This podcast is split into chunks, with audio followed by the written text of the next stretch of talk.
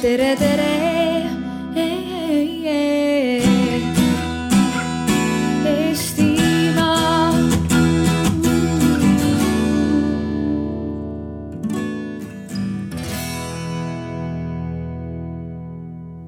Tervist, ma loodan, et on kuulda, vot nüüd on kuulda kindlasti, et äh, nii hea meel, et teid on nii palju siia kokku tulnud, et ähm,, et tõesti.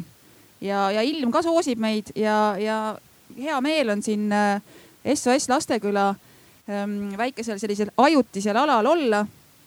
ja, ja millest me siis täna räägime äh,?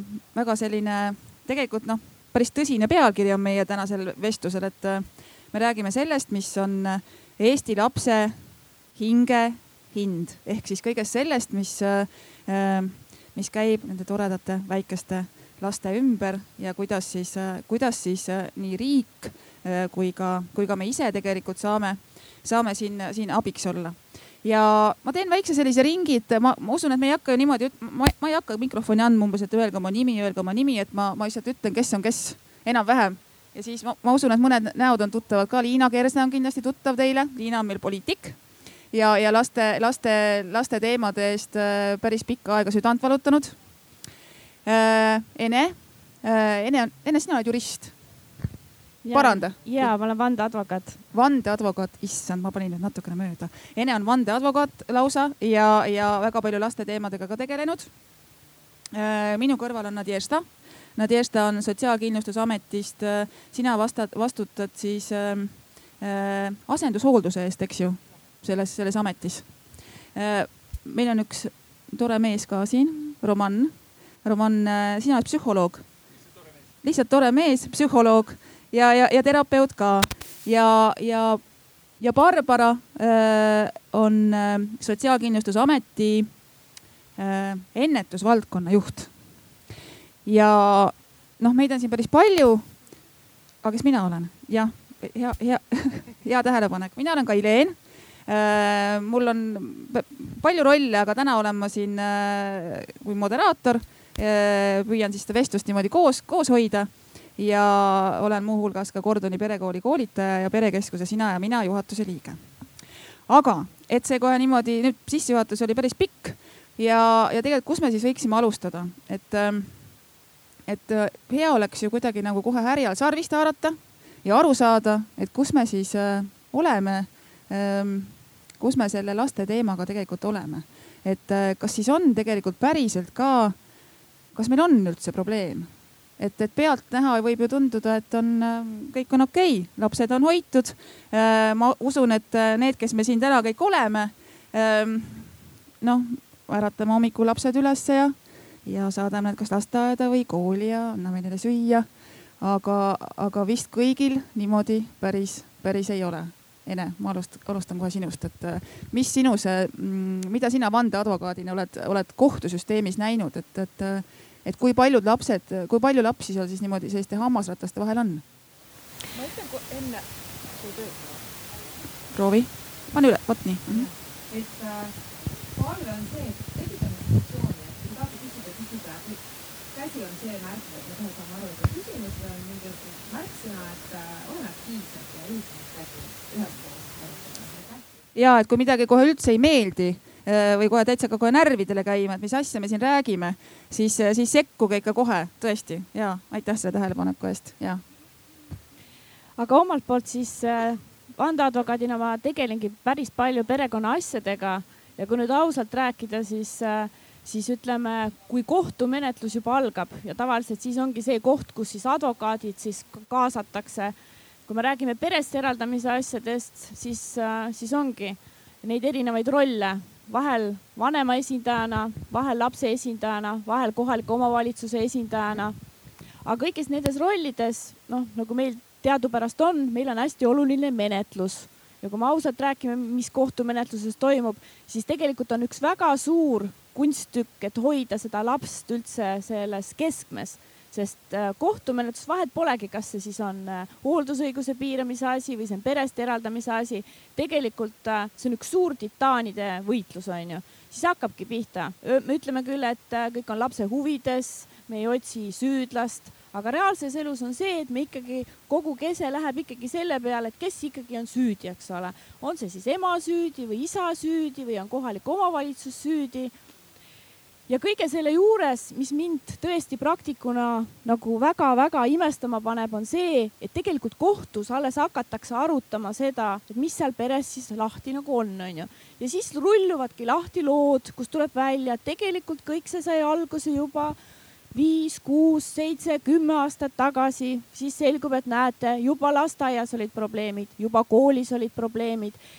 ja ma tõesti imestan väga selle üle, et kus siis on olnud kõik need täiskasvanud, kus on olnud see lastekaitse, kus on olnud see kogukonnaliikmed sest eh, noh, oma praktikas ma pean tunnistama, on ette tulnud ka seda, kus nüüd juba ma esindan ka lasteaias näiteks äh, osasid äh, siis lapsevanemaid, kes siis noh, tõesti on hädas sellega, et rühmas on üks laps, eks ole, kes muudab lihtsalt noh, teiste, teistele lastele on ta ohuks juba onju. samamoodi Äh, praktikas on juba sellised asjad, kus on siis koolis on kellelgi pro problemaatiline laps, aga tegelikult äh, sellistel puhkudel laps vajab abi. ja, ja kui nüüd äh, tõstatada küsimus, et mis on see, mida esimese asjana võiks nagu teha, siis esimese asjana võiks nagu teha seda, et kohus ei ole see koht, kus hakatakse üldse selle pere lugu, perega tegelema. et nii mõtle, mis sa kõik ütlesid praegu välja et aga, aga, aga okei okay., et kui me nüüd otsustame, et kohus ei ole see koht, kus kohas esimese asjana võiks selle kõigega tegelema hakata, see on hästi emotsionaalne teema tegelikult, et, et, et kus see koht siis võiks olla, Barbara, et, et, et mis see ideaalis või, või, või, või kuidas sa ise tunned, et, et, et kuidas see võiks olla, et kuidas sellele, kuidas sellele küsimusele, küsimusele vastata? Noh, esimene koht võiks olla tegelikult kohaliku omavalitsuse lastekaitsetöötaja, võiks olla, kuhu võiks minna. Ja, ja mis meie eelmises siin laval räägiti ka, et kui kohalik omavalitsus lastekaitsetöötaja kelle käed jäävad võib-olla natuke lühikeseks vaidluste lahendamisel, sellepärast et tal ei ole ikkagi perenõustaja tausta, siis äh, meil vähemalt õpetati, meie sõnum oli alati ikkagi pereteraapia oleks järgmine käik, et äh, mina täiesti nõustun Enega, et kohus on absoluutselt see viimane asi, kuhu nagu võiks äh, pöörduda, et sõltub muidugi ka probleemist, aga pereteraapia on üldjuhul ka sihuke hea, hea ja tugev algus, kuhu ka kohtupraktika, ma saan aru, liigub. aga mis veel enne seda, et äh õhku üleüldse selle märkamise, mis asi see märkamine siis on, et kes, kes ja mida peaks märkama. et äh, tahaks teile natukene ka õhku ise korra öelda, et äh, mis asi see märkamine on ja mida me tegelikult märkame. et äh, me räägime lastekaitsetöötajast, jah, lastekaitsetöötaja poole loomulikult tasubki pöörduda, aga kuidas meist, mida meie võime teha? et tegelikult märkame ka see, et kui ma kõnnin, tea, mööda tänavat ma näen oma lapsega on haiglas ema või mis emaga võib olla. ja siis on see, et ma näen ja pöördun tema poole, küsin, et ma saan arutada, et kõik on hästi. ja see on ka märkamine ja see on jaoks sekkumine, saama küll. et võib-olla keegi teist ka saab kuidagi näiteks tuua, mis asi see märkamine on, kuidas igaüks võib palutada seda, et inimestele ikkagi on välja, välja, välja võib-olla küsiks täitsa niimoodi, kus äh, vot see on see tänaval nii-öelda kasvatamine, eks ju, mida me tihtipeale no võib-olla väldime, eks ju, et me, me ei taha seda teha ja me ei taha juurde minna, aga kas on meie hulgas siin keegi ka, kes on, no kes on kohe niimoodi, ma näen, sul on suu kohe lahti, et kes on, kes on tõesti kohe noh, on sattunud millegile peale või siis sekkunud, eks ju ähm,? tegelikult mul tuli see mõte kohe selle seoses selle märkamisega, et et liht-, tegelikult on väga lihtne meil märgata, noh, no tähendab sekkuda, eks ju, tänava peal selle võõra inimesega, aga minu meelest hästi keeruline on äh, lähedastega neid asju ajada ja neid märgata, sellepärast et äh, kohe tuleb selline vasturünnak, aga mis see minu asi, et, äh, et ela ise oma elu, et, et minu meelest hästi keeruline on just see lähedaste ring ja lähedaste nagu märkamine just sugulaste nagu vahel või niimoodi.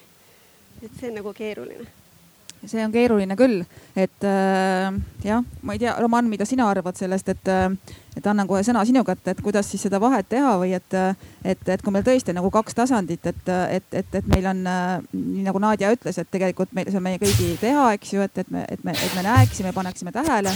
aga, aga kuidas siis äh,, kuidas siis käituda olukorras, kus äh, kus võib-olla lähedane vajab abi ja, ja, ja, ja ei ole päris tegemist ema, ema ja lapse või isa ja lapse suhtega ka jah, et, et ma mõtlen, et ega ideaalmaailmas tõesti olekski ilmselt nii, et, äh, et kui, kui ma märkan, äh, ma ei tea, sedasama karjuvat ema lapse peale, et siis ma tulen ja pakun abi. aga et äh, ega me teame, et, et noh, vastut-, vastutada millegi eest me saame ainult siis, kui me, kui me tunneme, et see on meie oma. on ju, et, et, et, et tea, võib-olla selline liht, lihtlabane näide on nagu sellest, et kuidas inimestel on erinevad trepi, trepikojad on, eks ju, või, või kuidas on ühiste korterite peal on, on see ühine ruum. et, et see maa, mis ei ole mitte kellegi oma, et see on midagi, kuhu, kuhu keegi ei sekku ka, et kui isegi siis, kui, kui mitte kellelegi ei meeldi ja, ja selle kohta on ju psühholoogias tehtud terve rida eksperimente, et kui, kui, kui peetakse mingit maad, noh, et mitte kellekski, siis keegi ei sekku, et, et, et see kuulu, kurikuulus äh, juhtum sellest, kuidas üks naine karjub äh, ma ei tea, mitu tundi akna all ja, ja kõik arvavad, et juba politseid on kutsutud, et mina ei pea seda tegema, eks ju, et see anonüümsus ja see, et ma, et ma ei pea sekkuma, sest keegi teine sekkub. et see on nagu hästi inimlik, nii et, nii et me, me peame tõepoolest nagu äh, noh hea, kui, kui suure uraaga saab, saab niiviisi sekkuda ja keegi on piisavalt julge ja, ja samas ma arvan, et me peame otsima mingisuguseid viise, mis on, mis nagu kergendaksid inimestele seda tegema ja, ja kui rääkida nagu süsteemist, siis, siis ma arvan, et isegi ennem kui inimesed satuvad lastekaitsesse, isegi lasteaia tasandil on olemas arenguvestlused. Mm, ja, ja ma tean, et väga paljud psühholoogid ja arenguvestluste koolitajad on teinud siin aastaid väga palju tööd selleks, et, et vajadusel see oleks esmataseme sekkumine, et inimesi suunata psühholoogilist abi otsima. Liina, kuidas sulle tundub, kas kas, kas pööratakse mm, kuidas su kogemus ütleb, et kas pööratakse lastele piisavalt tähelepanu või kus kohas on sinu arvates see koht, mis, mis vajaks märkamist ja tähelepanu juhtimist, et, et kus, kus sinu arvates käriseb kõige rohkem? aitäh, noh minu meelest, minu meelest ähm, me peaksime vaatama seda märkamise teemat ka veidi laiemalt, et esiteks, kustkohast me oleme tulnud. et millisest ühiskonnakorraldusest me oleme tulnud, kus tegelikult ju sellist äh, välissekkumist kellegi noh, lapse kasvatamisse või pereellu kuidagi ei peetud õigeks ja mm, täna me istume siin ja arutame ja mõtleme, et noh, see on meie igaühe kohustus ja me oleme jõudnud ka tegelikult juba seadusandlikult äh, sinnamaani, kus meil uus lastekaitseseadus ütleb, paneb kõigile meile kohustuse teatada abi vajavast lapsest. see on iga kodaniku seaduslik kohustus, mitte õigus, vaid kohustus ja, ja mulle tundub, et me aina enam hakkame aru saama, et see ongi kohustus ja, ja aina enam ka teatatakse. teine asi, mis on ka seotud lastekaitseseadusega, on see, et, et lastekaitseseadus ütleb väga ühemõtteliselt, et nende otsuste puhul, mis on seotud lapsega, nende otsuste puhul on vaja eh, esile tõsta esmajoones lapse huvid ja see on nüüd küll see koht, kus meil on veel väga palju arenguruumi. ja seda ma olen näinud ka töös Riigikogus, kus me võtame vastu väga põhimõttelisi lapsi puudutavaid äh, seadusandlu-, seaduseid ja, ja tegelikult seal selles keskmes ei ole see, kuidas laps selle seadusandluse keskel siis ellu jääb. Äh, minu meelest värskeim näide on äh, see nii, niinimetatud kaasava hariduse seadus kus, ähm, kus me teame, et meil on tugipersonali koolides äh, väga vähe äh, rohkem kui pooltes koolides ei ole üldse praktiliselt mingisugust tugipersonali, et ähm, äh, no ilmselgelt selle süsteemi keskmes ei ole laps.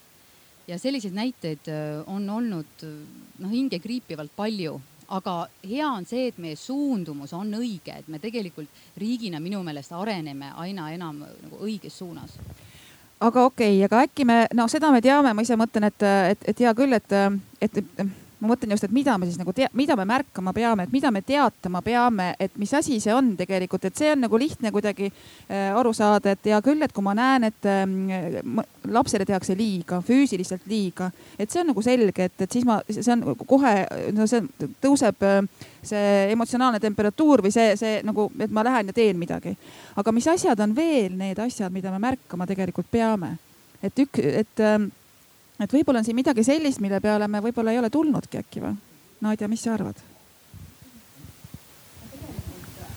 enne kui ma üritan kuidagi vastata küsimusele, ma tahaks kuidagi sellist süsteemi nagu juurde tuua, et loomulikult lapse huvid eelkõige ja, ja me peame arvestama ja, ja riigi teine kõige, kuidas see talle mõjub, aga me ei tohi unustada seda, et laps ei ole kuskilt äh, tulnud eraldiseisev äh, tulnukas, see on süsteemi osa. ehk siis tegelikult me ei tohi unustada, et äh, selle taga on see, et üks pere vajab abi.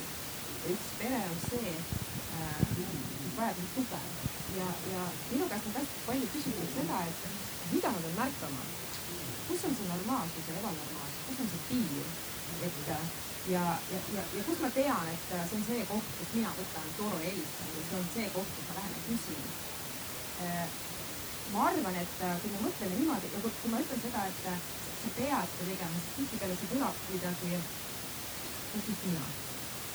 aga kui ma üritan nagu tuua seda erinevust, et kui sa täna seda ei tee, siis ütled homme kui me mõtleme niimoodi, et kui me täna ei sekku, kui me täna ei pöördu, kui me täna ei küsi ei paku tuge, siis meil seda.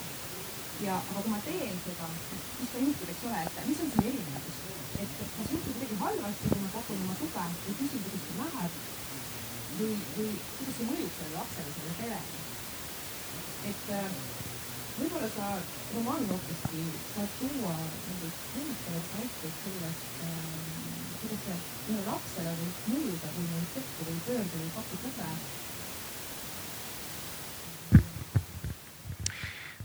no see, mismoodi, mismoodi sekkutakse väljaspoolt, muidugi mängib hästi suurt rolli, sest noh, loomulikult ma arvan, et see on iseenesestmõistetav, et, et kui laps vajab abi, aga ta abi ei saa, siis selle arengulised tagajärjed on väga suured, eks ju, inimesel on, me isegi ütleme psühholoogid ütlevad, et ükskõik, isegi ükskõik kui hea lapsevanem see ei oleks, sinu lapsel on midagi öelda oma psühhoterapeudile tulevikus.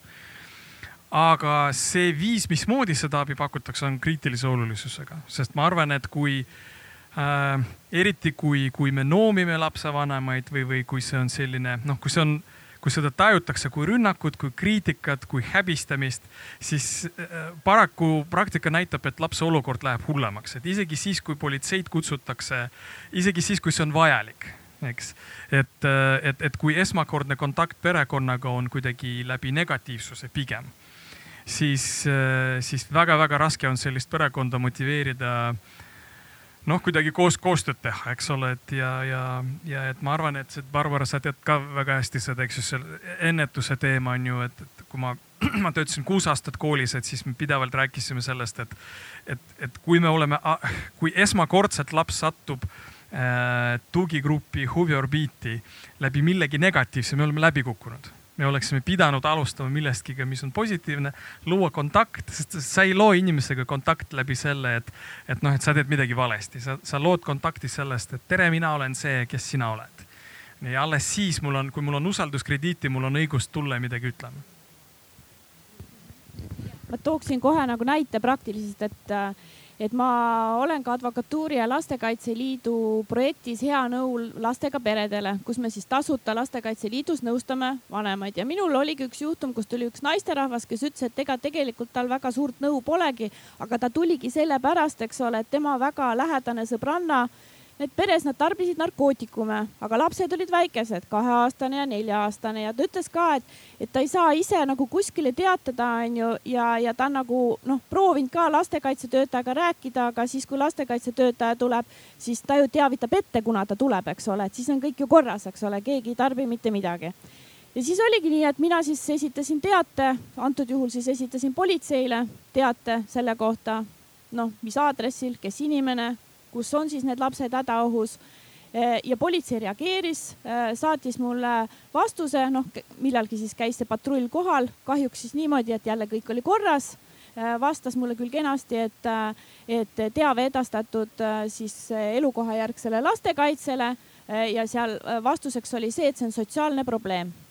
ja oligi kõik nii et, et noh, see on selline näide, et kuidas meil reaalselt nagu toimib, et kui me tõesti politseile teavitame siis politsei käib kohal ära, onju, aga politseil ei ole üldse nii palju ressurssi, vaid ta käibki see üks kord, käib siis, kui tal parajasti aega nagu on, onju ja kui on lastega sellised ennetuslikud väljakutsed, on ju, siis tegelikult see on nüüd kõige viimane, kuhu, mille peale oma ressurssi kulutatakse, eks ole nii et vahel, kui on, kui on ikkagi äh, väga kriitiline olukord, eks ole, ja oleks vaja politsei sekkumist, siis noh, minu plaan on küll, et ma annan kliendile nõu, et öelge, et juba on surnud, onju, sest laiba peale tullakse kohale, onju. aga kui on teema selles, et laps võib üledoosi saada, onju, või on noh, ongi selline ennetuslik moment, onju, noh siis paraku on nii, et äh, politsei läheb siis kohale, kui tal on ressurssi.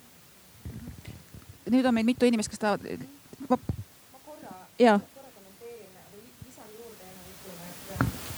siin me jõuame nii kaugele, et hästi oluline seesama poliitika koostöös, et, et siis erinevate spetsialistide omavaheline suhtlus, infovahetus, reageerima kuidagi üheskoos, et meil on nagu selge, mida me teeme.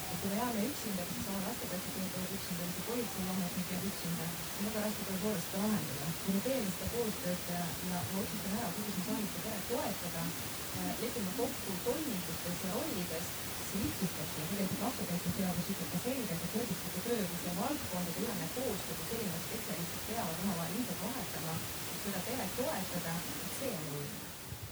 Et tegelikult on see kohustus tegelikult seda infot ju vahetada, eks ju, et, et ei ole ju, et iseenesest see olukord, kus kohas äh, jääbki üks ametnik jääb selle probleemiga üksi, ta tegelikult ei peaks üksi jääma, tegelikult tal on, ma saan aru, et on ka kohustus ikkagi on ka kohustus äh, ja, aga praktikuna või... ma ütlen vahele, et väga palju on formaalsust on ju, see on väga nagu mm -hmm. häiriv on ju. ja tegelikult see koostöö toimubki inimeste põhjal, eks ole, ja see on regiooniti väga erinev on ju, et, et ütleme nii, et kui minul on mingi juhtum advokaadina onju, siis see koostöö sujubki, sõltubki sellest, kes seal need teised asjaosalised on, onju. kui ma seda lastekaitsetöötajat juba tean, eks ole, kui ma tean seda poli-, siis meil koostöö sujub, eks ole, aga kui ma neid ei tea, onju, siis, siis tõenäoliselt meil see koostöö nagu ei suju, onju, sest ei leita aega omavahel suhtlemiseks ja kui me e-kirja teel suhtleme, siis me ei jõua niimoodi oma võrgustiku tööga mitte kuskile aga äh, ma küsin ikkagi, et ma, ma ei tea, mul tekkis kohe selline lihtsalt nagu selline tunne praegu, et ma tunde pealt küsin, et äh, kas see, vot nüüd me oleme, noh, kas see olukord on nii hull, kas kellelgi on numbreid, äh, kas on, kas midagi on, et, et, et, et, et, et, et, et, et, et, et ei juhtuks nii, et, et noh, et, et me mm, äh, äh, et või noh, jah, kas on midagi, mingit toetavat infot meile, teil, teil on? Ja töötades tõesti ise ka praktikuna ütlen seda, et, et olukord on väga erinev ja mina olen Ida-Virumaalt ja meil on ametnike suhtumine inimestesse äärmiselt selline ükskõikne, negatiivne kohati isegi. et selle koha pealt tahaks öelda seda, et äh, ennetuse poole pealt võiks asi alguse saada arstidest. kui ikkagi sünnitab vaimupuudega ema, võiks arst teatada, kes näeb tema diagnoosi lastekaitsesse, et see pere vajab abi. palun minge, vaadake, aidake. me jõuame nende laste juurde väga hilja, tavaliselt siis, kui nad on juba haigeks kasvatatud, pekstud, mis iganes on nendega muud asjad juhtunud et see külm ja ükskõikne suhtumine tegelikult on jätkuvalt meie ühiskonna osa Barbara, see on kuidagi, kas see on kuidagi regiooniti siis nii või, või sul on kindlasti infot selle kohta rohkem, et, et sellist üldist sellist, sellist pilti nagu maalida? ma vastan kahele asjale. ma vastan sellele ja ma vastan su küsimusele, mis sa ennem küsisid ka. muidugi mm. -hmm. et mis selle regiooniti puudutab, ma ise olen enda, enne olin lastekaitsetöötajaga totaalselt sama case nagu. kui ma kedagi tean kuskilt, siis mul on koostöö nii palju parem, kui on jälle mingi uus inimene siis on nii palju raskem seda koostööd teha ja neid numbreid täna regiooniti, ei, ma puusalt ei hakka midagi tulistama. ei, mitte puusalt, aga no niimoodi. ei ole praegu mingit sellist numbrit, ma tulen korra tagasi selle teise asja juurde. see üks asi, mis sa küsisid, et äh, mida peab märkama ja siis ma mõtlesin, ma kuulan siin sind on ju ja siis ma kuulasin seda, mis sa avastasid, jumala õige jutt oli kõik, ma ei vaidle vastu. aga siis ma mõtlesin, et äh, mina tahaks nagu vastata sellele küsimusele niiviisi, et äh, ma okei okay, kaheksast viieni ametlikult olen ma siis Sotsiaalkindlustusametis onju aga väljaspool tööaega ma olen lihtsalt täiesti tavaline üks puudliga tüdruk, kes elab Tallinna linnas ühes väikses korteris. Ja kui küsida nagu mina näiteks, kui praegu keegi oleks minu käest siin laval küsinud, siis ma nagu oleks kuulanud seda vastust, mis sa ütlesid, mis on väga ilus vastus, aga lihtsa inimesena ma poleks mitte midagi aru saanud, mida ma siis märkan nagu. ja mina ütlen nagu hästi konkreetne soovitus, et kui mina olen väljaspool tööaega, nüüd näiteks kui ma Pärnus käisin ühes kohvikus ja üks alaealine jõi seal õlut, tuli pärast välja, et on alkoholivaba või kui Nadja käis kaubamajas ja mingi väike kuueaastane jookseb nagu. minu konkreetne soovitus on, et kuidas ma tean, kas teatada või mitte. kui sul on mingigi tunne sees nagu, et see ei ole, see nagu, see ei tundu üldse õige, mida ma praegu näen, mingigi kahtlus, siis ma garanteerin nagu üheksakümmend üheksa protsenti ajast see on nagu õige tunne. ja ma olen äh, lihtne konkreetne soovitus ka, kuhu edasi ongi lasteabitelefon tihtipeale lihtsalt sellepärast, et kuna mul ongi see moment, et kas see on ikka päris või kas see ikka ei ole päris ja seal ongi, et koos selle nõustajaga sa räägidki läbi, et kas see üldse on nagu asi, mida teatada, kas peaks nagu edasi tegelema.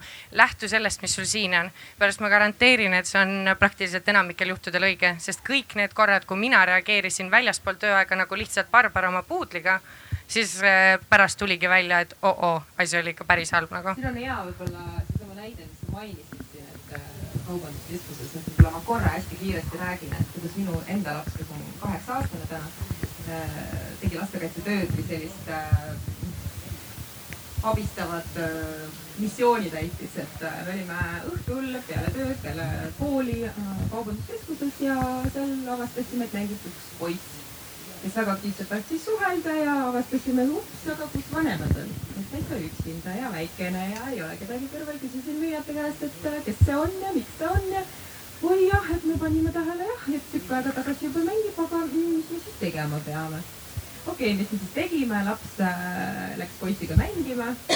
mina suhtlesin äh, erinevate instantsidega, et kuidagi ema üles leida see oli väga pikk õhtu, väga väsitav õhtu, aga mis see kokkuvõte oli, et äh, kui ema tuli ähm, sinna poodi, siis selguski, et poiss lihtsalt pani plehku.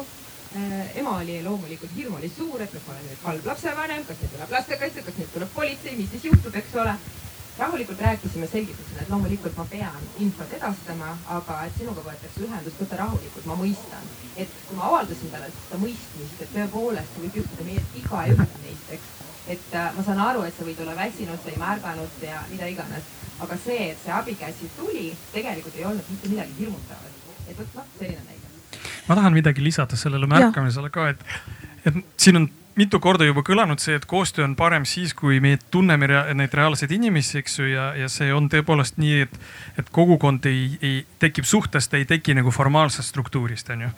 et ma mõtlen, et, et minu soovitus oleks see, et, et sekkuda äh, mitte ainult nagu selle järgi, kuidas süda ütleb, vaid selle järgi, et mis on su käeulatuses. et igaüks meist elab mingisuguses trepikojas või majas. selle kõrval juhtub midagi, eks ju, seal elavad inimesed, keda me võime tunda eks. Ju, aga keda me tihtipeale ja pahatihtipeale üldse ei tunne.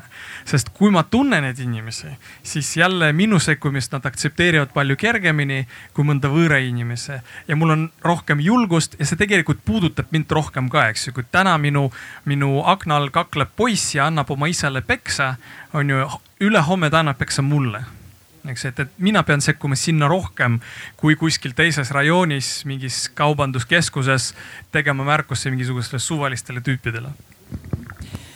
Liina, tahad lisada midagi?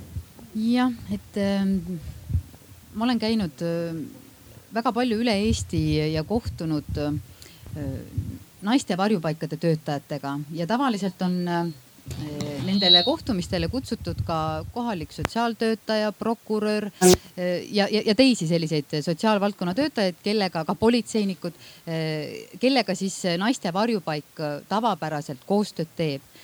ja minu meelest on meil riiklikult praegu ju aren-, või no töösse läinud juba mitmes maakonnas selline koostöövõrgustik nagu Marak ja nendes piirkondades, kus seda juba kasutatakse, seda väga äh, kiidetakse, et see tõesti selline formaalne süsteem iseenesest äh, ongi aidanud reaalselt äh, olukordi lahendada, sest et ta sunnib tegema koostööd ka siis, kui seda isiklikku kontakti ei ole. nii et ma loodan, et see Marak süsteem äh, laieneb kõikidesse maakondadesse.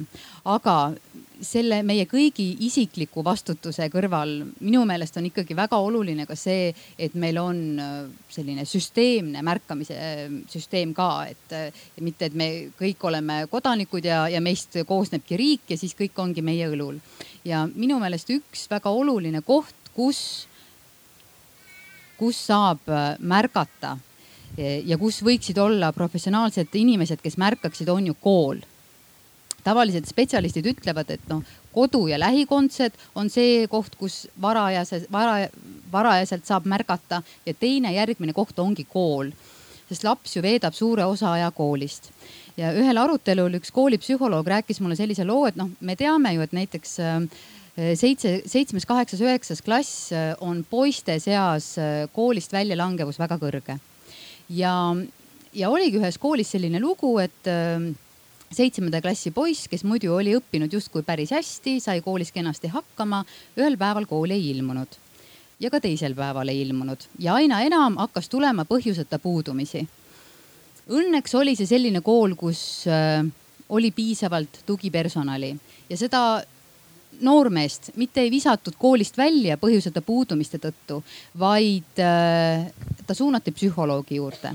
see psühholoog, koolipsühholoog tegi selle poisiga tööd pea pool aastat, kui selgus, mis oli selle poisi põhjuseta puudumiste põhjus.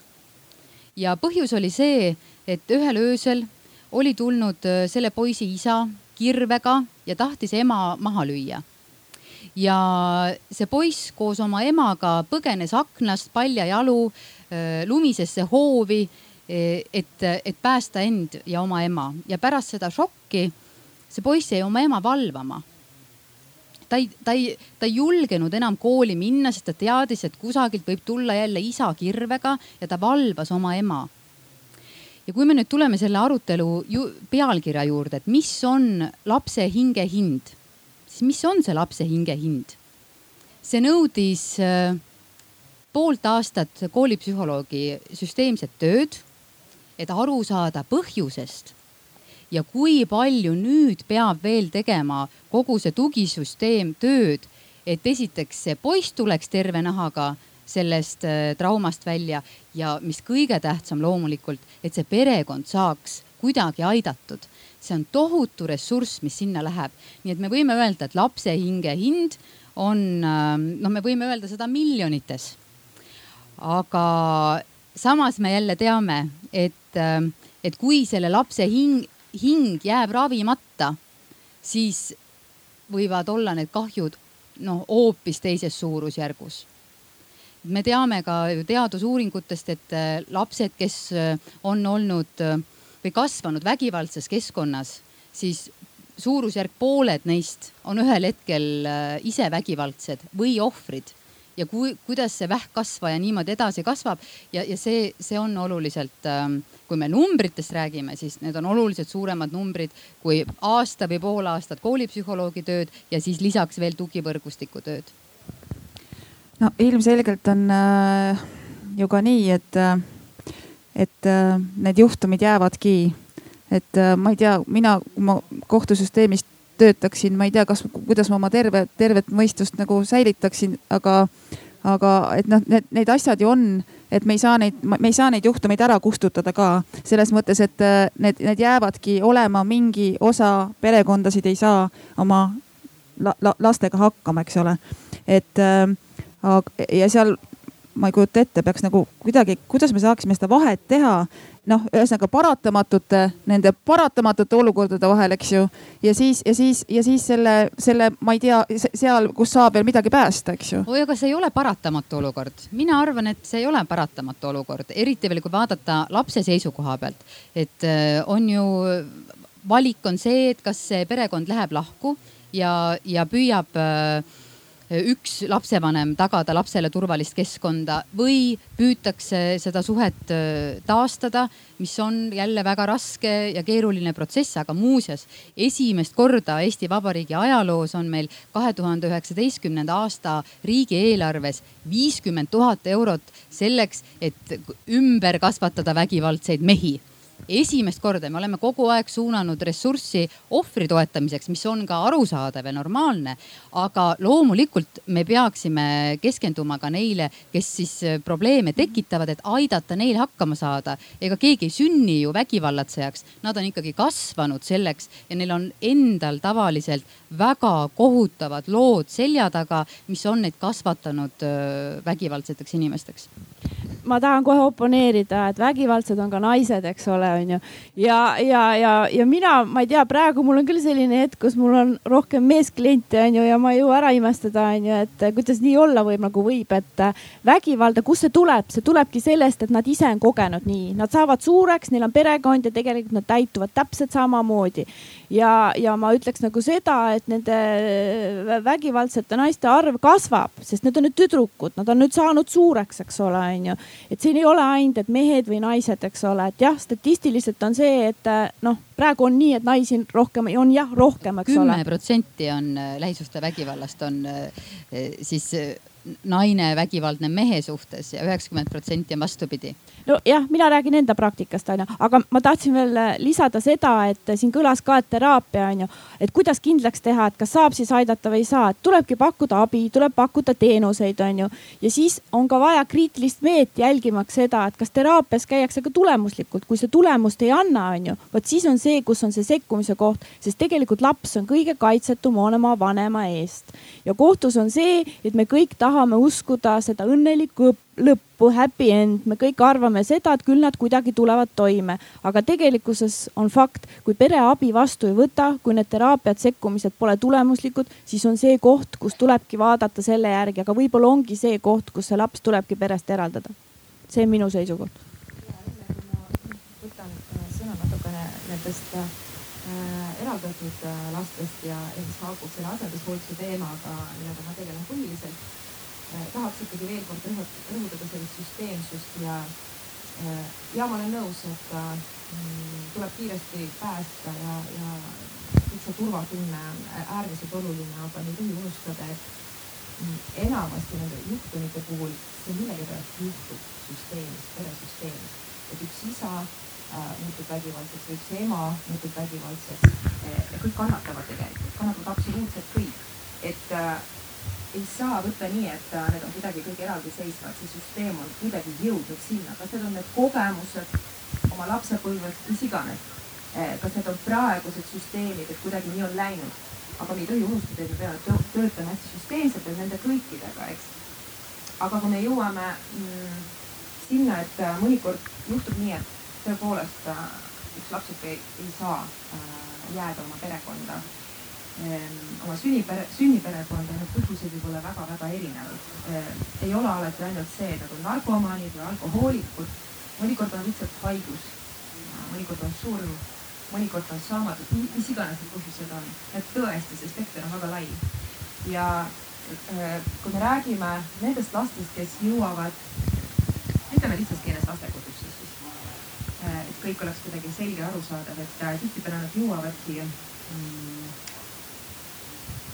väga kuidagi võib-olla traumeeritud hingega, et, et, et, et miks nad, miks nad joovad nii ja, ja, ja kuidas siis seda abi pakkuda, et vot miks ma, ma siin tahan jälle rõhutada, et mida varem me märkame, nagu Barbara ütles, et sisetunne ütleb, et ma pean sekkuma, ma pean reageerima kuidagi, et mu süda ütleb, siis ma pean seda tegema. aga rääkides äh, sellest, kuidas igaüks võib-olla mm, meist äh, saaks panustada ja mõeldes nendele lastele kes ei saa oma kodus elada, siis siin ma tahaks väga mm, kuidagi seda teemat võtta, et me täna äh, Eestis liigume selles suunas, et, äh, et lapsed, et iga e-, laps tegelikult ju vajab perekonda, iga laps vajab kodu, äh, iga laps vajab armastust. ja mm, need lapsed, kes, kes oma perre jääda ei saa, tegelikult saavad elada mõnes teises peres kellel on seda jõudu, kellel on seda ressurssi, kellel on suur süda ja täna me näeme, et neid peresid aina rohkem. ja tegelikult meil oli alles, alles hiljuti väga selline huvitav kõne, kus helistas üks naisterahvas ja mm, küsis minu käest tegelikult lapsendamise kohta. et, äh, et ütles, et ma olen sellises vanuses, et kas see tuleb üldse kõne alla. me rääkisime umbes tund aega ja see jutt jõudis nii kaugele, et äh, ta on üles kasvatanud oma lapsed suureks. Äh, ta on hästi töökas, tal on hästi palju jõudu, hästi palju ressurssi. ja, ja me jõudsime nii kaugele, et tegelikult on võimalik saada ka kasupereks, siis hoolduspereks, eks, et äh, kõik need lapsed, kes lastekodus täna elavad, ei ole, ütleme juriidiliselt lapsendamiseks vabad, see tähendab seda, et nende vanemad on kuskil kas on haigestunud ja ei saa ise seda hooldusõigust teostada või on need vanemad, ütleme kinnipidamisasutuses või on muud probleemid. aga ikkagi need lapsed võivad elada mõnes muus peres, äh, kellel on seda jõudu ja ressurssi. et noh, seda ma kuidagi tahtsin eriti rõhutada, et äh, tegelikult äh, tasub nagu enda sisse vaadata ja mõelda, et kas meil täna on jõudu selleks, et pakkuda ühele lapsele seda hoolt ja armastust. aitäh. ja võib-olla, eks ju, see hool ja armastus võib olla ju ainult vahest ainult paar aastat, on ju või, või aasta või, või, või mingit, mingit, mingit lühemat aega, et see ei pea olema midagi sellist, et, et me teeme tohutu suure otsuse. noh, tõesti, et äh, kümneks, kahekümneks aastaks. aga Roman, sa tahtsid peresüsteemide kohta midagi öelda, ma vaatasin, sa hakkasid nihelema selle koha peal. ja ma tahtsin lisada jah, jah, see on kuum teema, eks äh, ma tahtsin lisada seda, et selle abistamisega juhtub üks naljakas paradoks kohati, et äh, et see on midagi muidugi, millega Eesti ilmselt ei ole väga ära hellitatud sellega rohkem nagu lääneriigid. aga et, et mina olen ka sellega juba kokku puutunud ka, et, et kohati ähm, me näeme perekondi, kellele on antud igasugune abi, mis on üldse kättesaadav, eks ju. mitu psühholoogi töötab, kolm pereterapeuti, neli individuaalpsühholoogi, kõik eri suundades ja siis on veel neli sotsiaaltöötajat, kolm lastekaitsetöötajat, viis advokaati, et kõik töötavad, eks ju, noh tohutu ressurss on pandud ja perekond ei arene ja, ja mingis mõttes see on väga naljakas olukord, eks, sest ühtepidi võiks mõelda, et mida rohkem jõudu on, on sinna panustatud, seda parem paremini võiks nendel minna. ja paradoks seisneb selles, et kohati me invalidiseerime üle perekondi sellise ähm, nihukese noh abiga, mida nad ei vaja. et me võtame otsustada, millist abi nad vajavad, millist elustiili nad võiksid elada äh, enda standardi järgi. Ja siis me invalidiseerime neid, sest me sekkume liiga jõuliselt nende ellu ilma küsimata, ilma motiveerimata neid, ilma reaalseid suhteid loomata ja siis juhtub paradoks, eks ju, need, need perekonnad, kes nagu vajaksid hästi natukene abi, me hindast rääkides, eks ju, me, me panustame üle ja asi ikka seisab. aga kuidas seda siis, kuidas seda siis teha? kuidas seda siis teha niimoodi, et, et oleks, ähm, et, et, et, et et, et, et, et see oleks näha, et, et seda peab tegema niimoodi, et ühe puhul natukene, see on nagu maitseainete doseerimisega, eks ju, selles mõttes, et sa paned kas natuke pipart või paned rohkem soola, kuidas parasjagu toitu vaja maitsestada on, et kuidas, kuidas siis seda nagu teha? no just nimelt, et see ongi see koht, kus, kus nagu noh, kuidas öelda, ilmselt ähm, mingil tasandil on see ju väga atraktiivne, eks ju, rääkida nagu abist, on ju, et, et, et rahvas tahab abi saada ja, ja poliitiliselt on see tugev argument, eks ju. aga et see on see koht, kus me peame tõepoolest, ma, ma, mulle meeldib see maitseaine metafoor, see on väga hea äh,. et, et, et kohati on kõige parem abi on mitte sekkumine see on, see on kohati kõige paremini. Ja see on midagi, mida õpetatakse pereterapeutidele väga palju ja see on midagi, mis abistavates erialades oskusena tuleb välja kõige raskemalt. et see ei, ei käi politseinikute kohta, see ilmselt ei käi väga võib-olla, ma ei tea äh, ametnikute kohta, aga, aga see kindlasti käib äh, psühholoogide, sotsiaaltöötajate kohta, et mõnikord, mida vähem sa sekkud, seda, seda parem on tulemus. Ja muidugi selleks on tehnikad ja, ja, ja spetsiaalseid oskusi ja mudeleid, mida õppida aga teine asi on see, et ikka tuleb pere käest küsida ja hindamine peab hästi täpne olema. et mida nad vajavad. too see tore näide sellest emast, kus äh.... mis näide see on, mis see?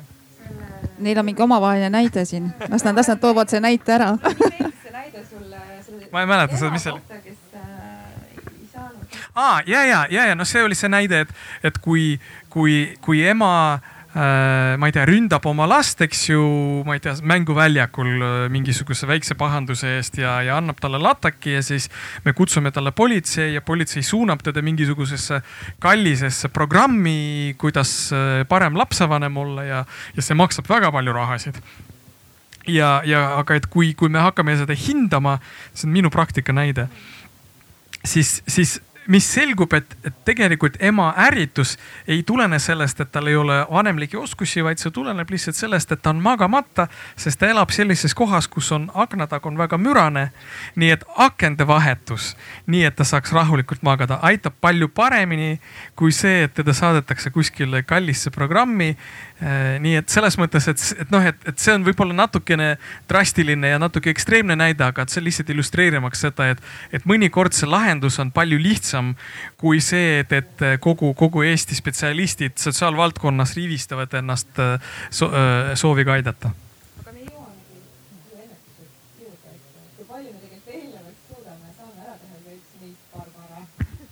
aitäh, ma sain vihjest aru, et see käis nüüd minu kohta. esiteks, ma olen nüüd korra nagu kerin jälle tagasi, et äh, see juhtus see, et, et kui ma rääkisin lasteabi telefonis, siis ma tegelikult, Nadja, mu kallis kolleeg, jaga palun see laua pealt, äh, lase ringiratast käima. me tegelikult tahtsime jagada natuke nänni ka, aga nagu ikka kombeks on, kui ma ise sellest räägin, siis ma unustan ära, mis ma pidin tegema. tegelikult ma tahtsin sellel lasta ringi käia. siis äh, tahtsin veel öelda, et siin räägiti ennem vägivallast ja Liina tõi välja selle, kuidas noh, vägivald, kui see on peres, siis see on sihuke põlvkonnast läheb edasi ja nii edasi. ja siis äh, see on fakt, et inimestele alati meeldib kuulda numbreid ja miks ma siis seda ennetust pean tegema. ja nüüd ma vabandan ette, et ma olen äärmiselt äh, ebaprofessionaalne praegu ja loen ühe, ühe väikse selle numbri värgi siit paberi pealt maha, sest mul lihtsalt äh, ei jää kõik pähe aga ma lihtsalt tahtsin öelda, et näitena, et meie siis ministeeriumid on teinud uuringud ja näiteks on tulnud välja, et äh, meie ühiskonna jaoks on kõige kallimaks vägivallakuriteoks tapmine, sest äh, ühe inimelu kaotus tooks siis ühiskonnale kaasa enam kui üks koma kakskümmend viis miljonit äh, eurot, siis miljoni euro suuruses kahju arvutuste kohaselt siis peale tapmist on vägistamisjuhtumid sellised, kus on üheksakümmend seitse tuhat eurot kahju ja röövimisega kuuskümmend neli tuhat eurot kahju. ja siis sellepärast nende uuringute põhjal ongi ka justiitsministeerium samamoodi öelnud, et oh, et peaks ennetama ja, ja, ja tuleb nagu ennetustegevustega ikka hoiaks palju-palju rohkem raha kokku. ja, ja siis on ju täna, kui ma käisin ka siin erinevatel nendel lavadel, siis ükskõik praktiliselt, mis lava juures ma olin, kõik räägivad sõna ennetus on ju, nii et see tähendab, vahet ei ole kas sa töötad äh, politseis, kas sa töötad pagariäris, kas sa töötad mis iganes äh, sektoris, me räägime kogu aeg, et ennetame probleeme. aga mis ma nagu kuulen, kui ma istusin publiku seas, et inimesed hakkasid sosistama, et ma ei saa mitte midagi aru, mis see ennetus on, onju. ma olen kuu aega siin tööl olnud ja ma ütlen teile ka, et kuu ajaga mu pea on lihtsalt lõhkeb sellest, kui palju ma kuulen, et ma pean ennetama, aga kuidas ma seda täpselt teen ja ma arvan, et täna jälle ma nüüd lähen tagasi sellelt, et ma ei ole praegu täna siin äh, ma esindan küll äh, riigiasutust, aga mina annan lihtsalt praktilist nõu nagu, kuidas mina arvan, et kui mina seal istuks, mis ma tahaks kuulda. ennetust saab teha mitmel erineval tasandil ja keegi ei vaata teie otsa, et te peate midagi suurt tegema. et äh, ennetust saab teha ka väga nagu väga esimesel tasandil sellisel kujul näiteks, et kui sellesama seal kauplusfarmer äh, lemmiklooma siis seal poodide müüja näeb, et siin tänaval koguneb viimasel ajal õhtuti väga palju lapsi ja midagi kahtlast nagu toimub. aga ma ei julge nagu ise politseiga ühendust võtta, tundub sihuke nagu, et no mida ma räägin, ega otseselt ma nagu ei näe, aga noored muudkui kogunevad. siis mis asi see on see ennetus, mis tema saab teha, ongi see, et kui tema ise ei julge politseiga ühendust võtta, mis on täiesti fine nagu, sest ma ise mõtlen ka, et kui ma kunagi alustasin, siis see tundus nii creepy helistada kuskile ministeeriumisse, et kas ma võin praktikale tulla no aga siis ongi, et igal kohalikul omavalitsusel tegelikult on kohustus tegeleda ennetusega. kes sellega tegeleb seal omavalitsuses, see on nende endi asi otsustada, see ei pea olema tingimata lastekaitsetöötaja. aga võib-olla, et sa võtadki see lemmikloomapoe poemüüja siis või kes iganes see parasjagu on, võibki oma KOV-iga ühendust võtta ja paludagi aidata korraldada kasvõi see kohtumine politseiga, istuks lihtsalt maha, räägiks, mis me teha saame. ja äkki ongi politsei ütleb, jaa, täitsa ongi probleem, aga ma saaks minna kooli sellest rääkima, et või, või äkki vaba aja tegevus, äkki noored ei ole kursis, mida siin Paide linnas teha. et äh, ennetus on täiesti nagu võimalik teha väga-väga basic levelil väga-väga odavalt, et ja kui lihtsalt nagu ise kohe ei tea, kuidas seda teha, alati saab konsulteerida kellegagi. nii et, et jah, see oleks nagu üks mõte, mis ma viskan, viskan õhku mm -hmm. hästi praktiline, hästi praktiline. Äh, Liina, sul oli tükk aega tagasi veel midagi südame peal, on see ja. sul meeles veel, mis tahtsid öelda? ja on küll äh, Romanni jutu peale, mina sotsiaaltöötajatega ja, ja noh, kuna ma olen palju tegelenud lähisuhtevägivalla teemaga Riigikogus, siis minu näited on äh, sellega seotud. Äh, ma ei ole näinud sellist juhtumit, äh, mida sa kirjeldasid, tõenäoliselt need on olemas, kindlasti on need olemas, muidu sa ei kirjeldaks neid.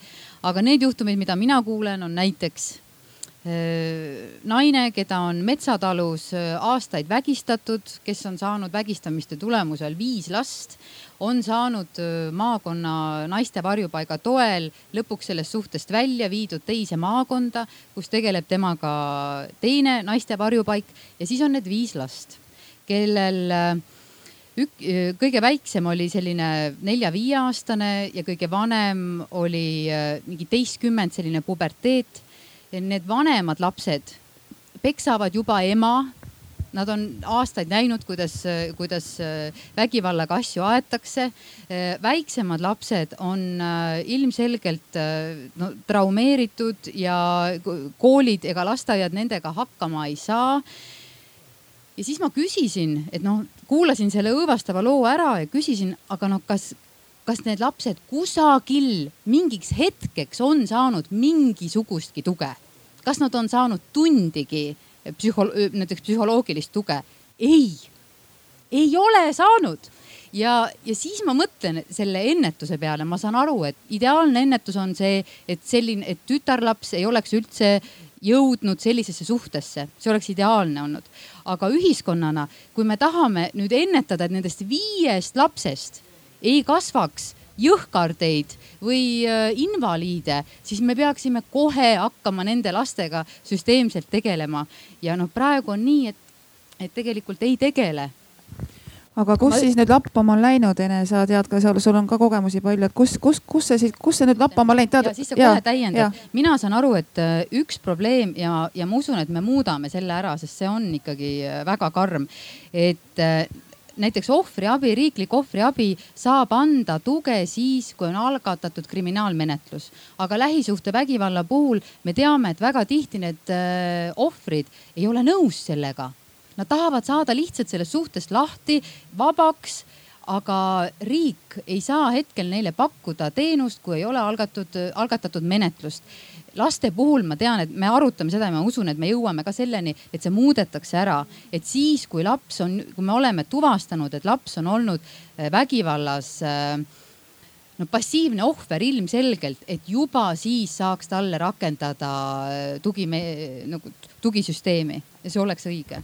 Liina, aga sina oled Riigikogus ja muuda see ära ma räägingi, me juba, me oleme aruteludega jõudnud sinnamaani, et kõige, vot see nende poliitikate muutmistega on ju nii, et sa saad muuta seda, kui me oleme kõigeni suutnud mingi probleemi sõnastada ja siis arutada selle üle, et kuidas me seda lahendame. ja mulle tundub, et me oleme jõudnud selleni, et, et riik on andnud lähisuhtevägivalla ohvrite tugisüsteemidele aina enam rohkem raha kuuldavasti järgmine aasta on see juba miljon, millest on hästi palju räägitud, et see peaks olema minimaalselt miljon eurot ja nüüd see on miljon, on mulle öeldud, et noh, selles mõttes me kogu aeg liigume õiges suunas, aga lihtsalt lapsed on praegu ja ohvrid on praegu ja me peaksime neid kohe aitama no,. jah, ma tahtsingi öelda, et niikaua kui nad seal metsatalus kõik koos edasi elavad, pole vahet, eks ole, kas nad saavad seda psühholoogilist abi või ei saa, eks ole, sest Eh, nojah, et siis on nagu teine asi, aga lihtsalt vägivalla puhul iseäranis tuleb vaadatagi seda kompleksselt, eks ole, et seal nagu sellest pole mingit eh, noh, abi, eks ole, on ju, et see on ainult formaalne abi, on ju, mida saab siis anda, kui nad seal kõik nagu koos,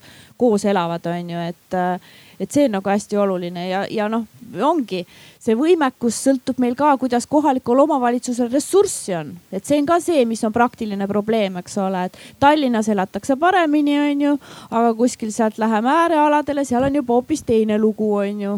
ja, ja noh, ja praktilise poole pealt on veel, et kogukond on ressurss, aga teinekord kogukond on ka miinus, eks ole. kui juhtub, et see vägivaldne või siis muidu puudulike vanemlike oskustega, vahet ei olegi, mees või naine, on seal näiteks kohalikus mingi tähtis tegelane, onju siis noh, olgem ausad, eks ole, on ju, et siis me ei jõua jälle mitte kuskile, on ju, siis pigem see kogukond hoiab nagu noh, tema poole, mis on jälle õige. seal hakatakse vahet tegema, kes on kohalik, kes on väljast tulnud, on ju, ja siis see kogukond hoiab nagu selle oma poole loomulikult on ju, ja teinekord noh, see võib hoopis nagu pärssivalt mõjuda. nii et iga juhtum on äh, eriline, igal juhtumil on oluline väga täpne hindamine on ju, et, et sest, sest läbi selle saavadki lapse huvid kaitstuks, sest lapse huvi tegelikult on see, et tehtakse objektiivselt selgeks, mis on plussid, mis on miinused, on ju. mis, mis on need, kus on, mida on vaja sekkuda, mida, mida tuleb siis lihtsalt jälgida. A la on ju, kui see on alkoholi probleem, eks ole, ei ole alati, et peab saama, saatma kohe ravile, on ju, aga samas keegi peab võtma vastutuse ja siis tõesti jälgima seda, sest kui kohtus ollakse, aga kohtueelselt, kui need kõik need terapeudid kõik on rivistatud ja politsei ja meil on koostöövõrgustik, siis probleem on ka see, et keegi peaks võtma selle vastutuse, sest muidu see vastutus hajub kõik ära, sest kohtus on enamasti see probleem, et kui on kohtus, siis kõik arvavad, oh pastakas äh, läheb käest ära, kohus otsustab, onju kohus jälle mõtleb, mis mina otsustan, eks ole. siin on küllalt neid inimesi, kes kõik nagu vastutavad ja lõppastmes öeldakse, et äh, kes siis vastutab, kui lapsel noh, ütleme lapse käitumishäired süvenevad, diagnoose tuleb muudkui ka juurde, kes siis vastutab? perekond vastutab. noh ja, ongi jokk ma küsin vahepeal, kas kellelgi on kommentaare siin, äh, siin meil on väga kirglikuks läinud siin kuidagi, ma ise tunnen, et, äh, et tahate midagi sekka öelda, et et see on just see hea koht nüüd. et äh, kogu see jutt, mis siin praegu oli, oli väga õige selles suhtes, et äh, eriti teie poolt, sellepärast et tõesti see olukord ongi selline, et kõik veeretavad seda vastutust ühtepidi ja teistpidi. et oli meil selline juhus, et sihuke noortekamp ühes kaubanduskeskuses muudkui möllas tegid seal igasuguseid rumalusi ja solvasid inimesi ja, ja juba varastasid vanainimestelt kotte ja kõik loopisid seda kivi siis ühest kapsaiast teise. KOV ütles, et see on politsei teema, politsei ütles, et see on KOV-i teema. Ja noh, et abi vajavad lapsed. ja, ja lõpptulemus ei tegelenud sellega mingi hetk üldse mitte keegi, lihtsalt inimesed kartsid juba käia kaubanduskeskuses. no lõpuks õnneks on see lahendatud nüüd. aga kui tu-, tegelikult ausalt ei teagi, kes selle lõpuks lahendas. kamp on laiali löödud, enam ei käi et, et seda jah, kes selle täpselt tundub tegelikult elades selles keskkonnas, et seda koostööd väga ei ole meil. Sest tõesti seda nagu veeretatakse seda palli väga palju ja väga palju jäetakse asjad tõesti viimase, viimase hetke peale, kui asjad on läinud päris koledaks. kui laps ei ela enam juba üle aasta, ei ela laps kodus, ta elab kuskil tänaval ja mitte kedagi ei huvita. kõik teavad aga kedagi ei huvita, kus see laps magab. viieteistaastane on, noh, täna on ta viisteist, siis ta oli noorem. et see on tegelikult ju tegelik elu. tegelikult selle peale tahaks nagu just nimelt äh, edasi seda palli veeretada ja diskuteerida teemal, et meie teiega koos, mida meie võime teha. kui me näeme, me märkame, mida me, mida me saame teha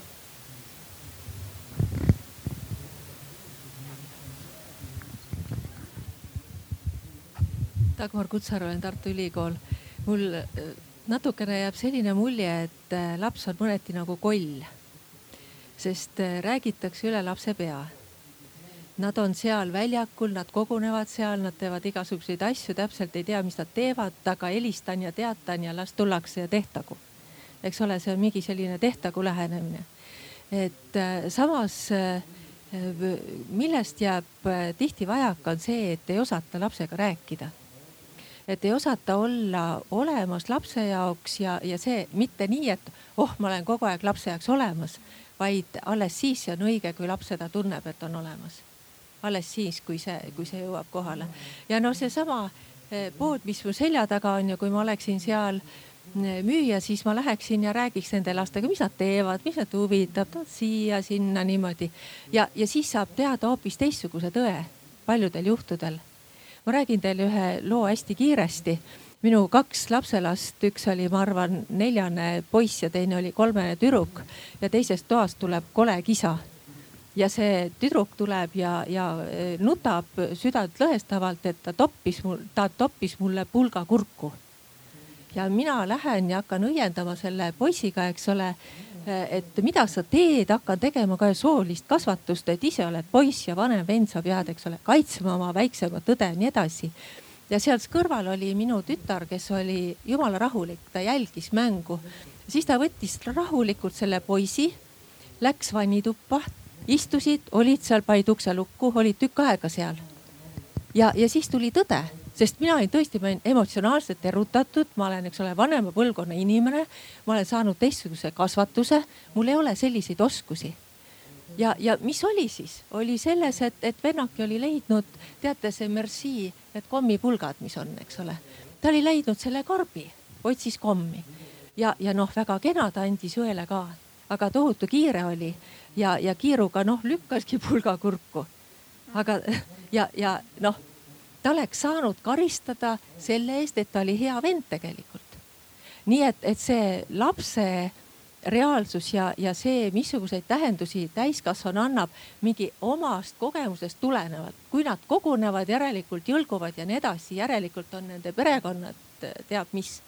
Et äh, minu meelest on äh, märkamisega koos käib sõna ole ühenduses, ole ühenduses ja, ja õpi kuidagi nagu uurima seda, et eh, mida nagu lap-, kuidas nad ise seda seletavad.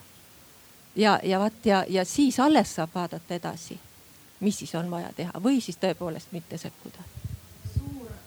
aitäh. me jõudsime tegelikult ju Ivani, et, et tegelikult mul on ka üks tore näide, et tormates üks hommik laps käis veel lasteaias, tormates pea jälle töömõtteid täis ja lendan sinna lasteaeda ja siis laps järsku ütleb, oota, enne, seisame ja kuulame loodust.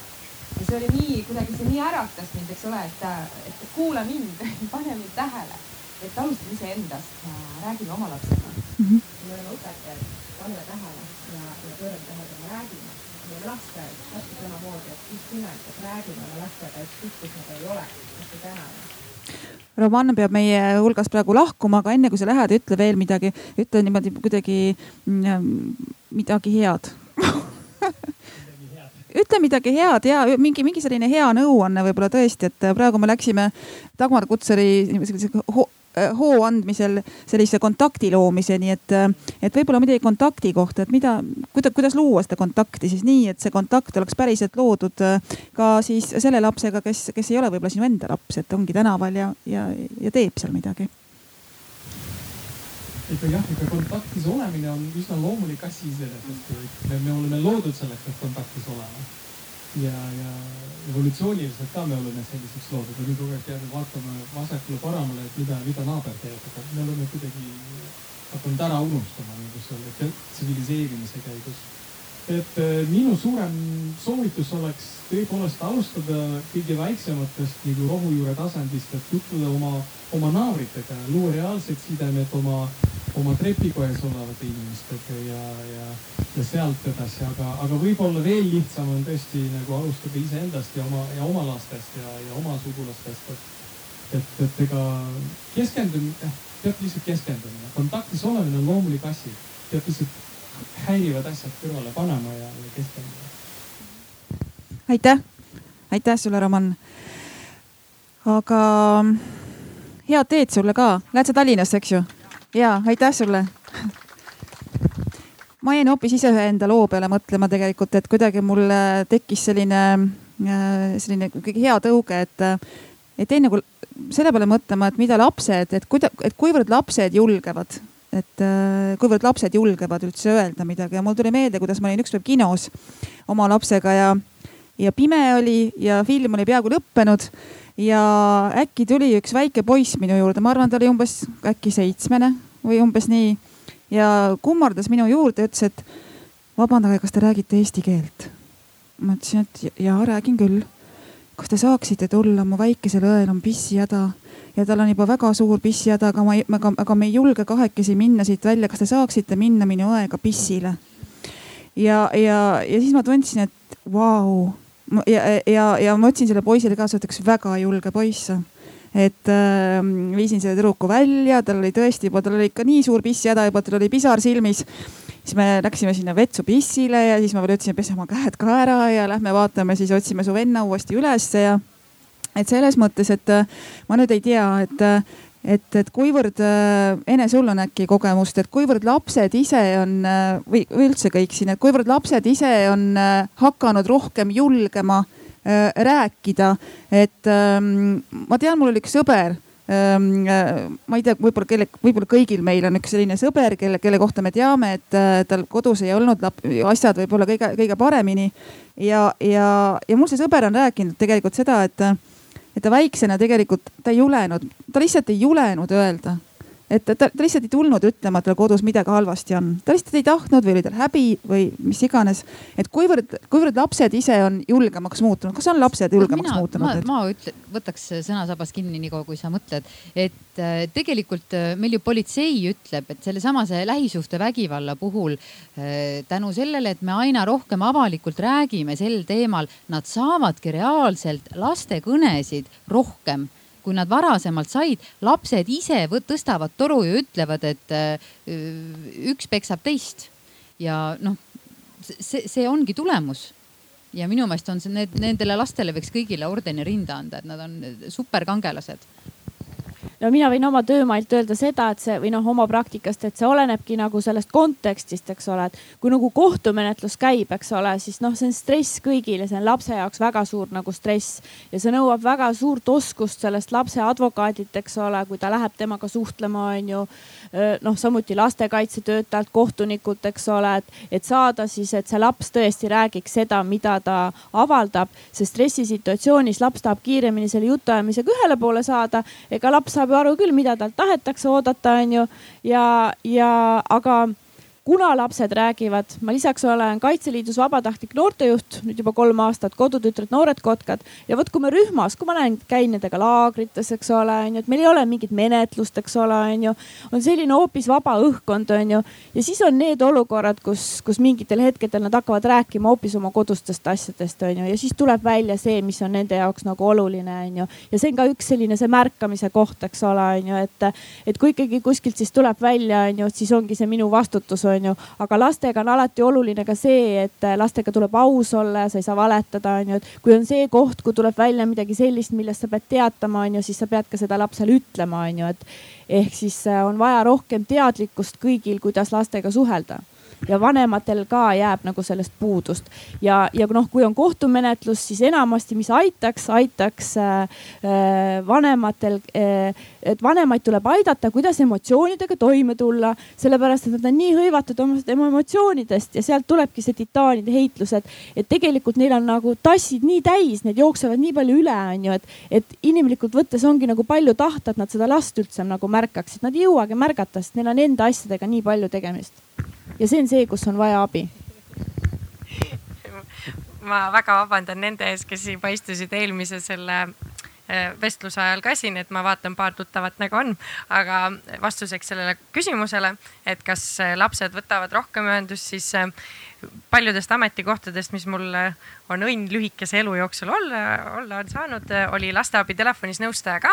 Ja on rõõm tõdeda, et äh, väga palju väga,, väga-väga palju lapsi pöördub ka. Ja iga aasta meil on kohustus teha ka ankeetküsitlus lastele täiskasvanutele ja spetsialistidele, kus me küsime numbriteadlikkusest, mis on see üks, üks, kuus, üks, üks, üks.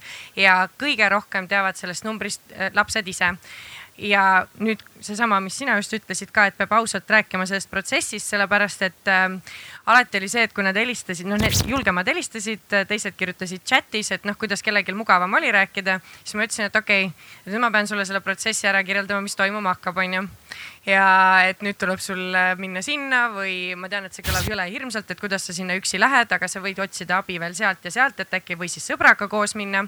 ja siis äh, see on nüüd jälle see, et äh, ma lootsin alati, et lastekaitsetöötaja, kus piirkonnas ta oli, kui oli selline juhtum, et kahjuks äh, enam ei saanud lastekaitsetöötajast ümber, siis ma lihtsalt ütlesin ka, et vaat ära, ära ehmu, kui nad sulle natuke torisevad seal, et nad tegelikult on väga toredad, et lihtsalt äh, mine sinna ja, ja, ja kui sa ei julge sinna minna, siis koolis kutsu keegi ja, ja räägime koolis nagu need asjad läbi, et, et igal juhul kõik on võimalik. Ja üldiselt, kui sa selle protsessi nendele läbi seletad ja ütled, et, et kahjuks sul lihtsalt lapsena ei ole võimalik rohkemat ise selles olukorras enam midagi teha ja kiidad ka ja tunnustad just täpselt sellest, et sa olid nii vapper, et sa juba praegu ühendust võtsid, siis äh, ega paraku, kuna seal ma olin ainult nõustaja, mul muud ei jäänudki üle, kui loota, et kõik see, mis me tegime, see rääkimine, see protsessi selgitamine, et see kulmineerus sellega, et see laps ikkagi tegi seda, mis vaja oli aga samas ma pean ütlema, et vahel ma kirjutasin ise lastekaitsetöötajale, ütlesin ka, et, et teie juurde võib pöörduda selline ja selline laps ja palun olge temaga hästi viisakas ja sõbralik. ja siis eh, lihtsalt selle jaoks, aga see oli lihtsalt mina ise, et kuna ma natuke muretsesin vahel vot. aga äh, kui sellest rääkida, et äh, kui paljud lapsed ise julgevad pöörduda, tegelikult kus nad, kus nad seda õpivad, nad õpivad seda meil, eks. et meie oleme eeskujud neile, aga teine aspekt on see, et noh, kohati võib-olla me ise ka, me oleme väsinud ja palju tööd ja muud aspektid, et äh, ma olen tähele pannud tegelikult, et äh, noh, üks väike näide jälle oma elust. enne kui sa oled jälle arvutis, sul on nii palju tööd veel. Aitäh, kallis laps, et panen kinni ja tegeleme millegi muuga, et, et tegelikult nad annavad meile ise nii palju, et ole tähelepanelik, see on kõige tähtsam. küsimus tahad küsida, Julia? küsimus jah. küsi. ma mõtlesin äh, selle peale, et meil aeg hakkab äh, varsti läbi saama, aga mul on selline, noh, unistada tuleb ju suurelt. Äh, siin mitu korda me rääkisime, noh, põhimõtteliselt me rääkisime rohkem nendest lastest, kus on juba tuvastatud, et mingi probleem, mingi mure on. me rääkisime sellest, et on olemas hästi kallid igasugused sekkumisprogrammid, positiivse vanemluse programmid, kus ma ise grupijuht olen kuhu kahjuks kõik vanemad ei, ei satugi Äh, me teame neid statistilisi andmeid, et nagu praktiliselt ainult kümme protsenti vanematest äh, lähevad, pöörduvad ise ja äh, otsivad abi ja püüavad teistmoodi lastega suhelda, teistmoodi lapsi kasvatama. Kuhu siis lähevad need üheksakümmend protsenti? äkki tuleb nagu meil laiemalt mõelda, et äh, natukene ümber struktureerida meie süsteemi ja hakata pakkuma needsamad igasuguseid nõustamised ja koolitusi ja, ja noh, noh, sellised sõnad nagu väga hästi nagu ei lähe, aga võib-olla mingid programmid sellised, mis oleks äh, kättesaadavad ja võib-olla nagu mõnikord kohuslikult kättesaadavad kõikidele äh, lapsi saavatele inimestele. ma siin võib-olla jälle üks näide, et äh, olemasolev eelnevas paneelis siin räägiti sellest kiusamisest vaba lasteaiast, eks, äh, lillad karud. ma, tõstke käed, kes, kes teab yeah. et äh, selline tore programm, kus mina nägin, et see tõesti toimib, et minu laps ka pani tähele teatud asju mänguväljakul ja mujal ja küsis ja sekkus. aga üks oluline osa on see, et me ise tegelikult lapsevanematena osaleme selles protsessis, see on see juba edasiviiv jõud, eks ole. et, et me osaleme seal koos lastega, me õpime koos, et see ongi no jah, aga see programm peab olema lasteaias või koolis kättesaadav juba, siis me osaleme, aga kui ma tahan ise mina pigem nagu arvan ja mi, mina olen vana pessimist ise nagu ja pigem skeptik nagu, aga mulle tundub eriti nüüd, kuna ma tulin sellele uuele kohale tööle ja see on meeletu materjal, mida ma praegu läbi töötlen, aga tegelikult mulle pigem tundub, et äh, ikkagi vaadatakse enam no, mitte ainult need abi vajavad lapsed, et me ikkagi vaatame palju rohkem ja mitte ainult sotsiaalministeerium, ma räägin kõik, kõik valdkonnad juba selle raha pärast, kõigil on niiviisi, et okei okay,, me peame nüüd midagi muutma, sellepärast see läheb liiga kulukaks selle tagajärgedega tegeleme. mul on väga mitu tegevust, mis on nagu seotud just need, nagu sellega, et kuidas me saame üldse nagu laiemalt nagu kogukonnale ligi. et äh, kaasa arvatud see, et me hakkamegi nüüd näiteks konkreetne tegevus näiteks, mis ma pean tegema, pean otsima Eestis välja, see tuleb varsti muuseas kohalikele omavalitsustele kiri ka, et te teaksite et mul on vaja, et kõik ütleksid kes vähegi teab, mis programme Eestis meil kasutatakse. mul on vaja nagu kokku koguda kõik see andmestik, et mis meil on olemas, et äkki on mõni pärl, mis on kuskil ära kadunud ja pole näinud, et, et nüüd näiteks see on üks asi ja need on just ennetusprogrammid ja ei pea olema abivajaja selle jaoks, et seal liituda, aga kuna ma olen üks inimene, siis mul on raske seda üksi nagu mööda Eestit otsida, et siis varsti tuleb jah üleskutsekiri, et palun aidake mind. minu mõte oli see, et ähm, kui äh, perre sünnib laps, siis äh, väga paljudes kohalikes omavalitsustes saavad äh, lapsed või lapsevanemad saavad karbi, kus on äh, riided ja, ja selline esmavajalik mingi tekk ja asjad. ma usun, et teatud riskiperedes on see hästi oluline, et sellised pakid äh, peredele kaasa antakse, aga laialdaselt võiks anda igale perele, kes saab lapse kaasa näiteks kümme tundi nõustamist kui ma hiljuti lõpetasin magistratuuris ülikooli äh, haridusvaldkonnas ja, ja kuulasin äh, arengupsühholoogia loengut või no läbisin arengupsühholoogia kursuse. Ja seal oli väga palju minuealisi selliseid äh, keskealisi naisterahvaid, kellel kõigil juba lapsed olemas. Ja me kuulasime suu ammuli ja mõtlesime, põrgut küll, oleks ma teadnud seda kümme aastat tagasi miks mulle keegi varem kuskilt seda ei rääkinud, kuigi tegelikult ma meenutan iseennast ka, ma ikkagi lugesin raamatuid enne, kui ma lapse sain, aga ikkagi, et kümme tundi nõustamist, ma arvan, et äh, sellise igale ühele tasuta, sellel oleks teatav tulemus. kuidas, kuidas teile tundub, see on, on, on hea mõte? võiks ju olla kirjutame alla. sellega ma juba tegelen ka. see asi, mis sa räägid, see on, äh, seda ma tean et see on ja siis nüüd ongi, et ma otsin praegu kontakte, et, et just, et kuidas nagu ma mõtlengi, et mitte see, et basic, et imetamine, kõik see, kõik see on ka tähtis, oluline, aga just see, et mida teha, kui laps hakkab äh, karjuma ja ma olen närvis ja, ja sihukesed väga nagu mingid nagu basic nõuanded, aga mitte kindlasti mingi igaval flaieri kujul, aga ja see mõte on juba peast läbi käinud ja ma mõtlen, et kellega seda edasi ajada. ja selle jaoks on täitsa ju olemas koolitused ju olemas ja, ja võite, saate, saate omavahel suhelda, aga tegelikult on see selline tihtipeale selline baassuhtlemiskoolitus ja eneseregulatsiooni, eneseregulatsiooni teema siis, mida, mida, mida saaks tegelikult, ma ei tea, kas nüüd kümne tunniga, võib-olla isegi vähe, vähe, vähemate arvudega saaks tegelikult väga lihtsalt selle ära lahendada, et kõik see, mis peale lendab, ei, tuleks nii, nii, nii suure, nii suure võib-olla siis trauma, traumana. aga Ene, sa tahtsid öelda midagi vahepeal? ja no mina teeks selle, et mina, kui mina saaks midagi teha ja muuta seadust, siis mina muudaks seda, et koht, kohus ei oleks nii kättesaadav, sest mis meil täna nagu on, on ju, meil pole isegi arvutit vaja, võtad telefoni, võtad e-toimiku lahti, seal sa saad kohe samas keskkonnas saad ka avalduse kirjutada ütles keegi midagi pahasti, esmaspäevast avaldus, eks ole, onju, ja nii ongi ja menetlus läheb lahti, onju. et tegelikkuses noh, ma loodan, et kui Barbara kõik need programmid seal eh, ritta saab, eks ole, siis on küllalt, mida nagu siis eh, pakkuda inimestele, onju. ja teine asi, kui on vägivalla probleem, onju, ja kes ei taha endaga tegeleda, siis tegelikult jällegi ei ole vaja seadust muuta. meil on võimalik, perekonnaseadus võimaldab hooldusõigust peatada, onju, ja see tegelikult on selline meede, mida tulekski rohkem kasutada, onju, et vanemat sundida iseendaga tegelema, onju. see on siis nagu enne seda, kui me hakkame siis nagu last perest nagu eraldama. praegusel juhul praktikas kasutatakse seda hooldusõiguse peatamist nendel juhtudel, kui siis vanem on kinnipidamisasutuses või ta siis äh, vajab siis äh, noh ravi, eks ole, on tal seal noh, vahet pole, mis, mis terviseprobleemid tal on, onju. aga see oleks nagu see, mis tegelikult oleks väga nagu kättesaadav ja ma tean seda, et riigil on see kavatsus ka, et on kohustuslik lepitusmenetlus ehk siis, et ei ole nii, et perekonna asjas midagi ei meeldi, võtan lapse endale, sina seda näha ei saa, ei suhtle ja asi on kohtus. et see on selline asi, mida võiks nagu kohe kasutusele võtta me läksime nüüd ettepanekute peale, nii et kui kellelgi veel ettepanekuid siin on, siin meil siis pange kohe, kohe, kohe tuleme mikrofoniga juurde. minul on ka see mõte, et äh, lisaks sellele, et nõustada rasedat naist ja tema elukaaslast, abikaasat äh, hästi baasilistest asjadest. tegelikult see ennetus on võimalik igal tasandil.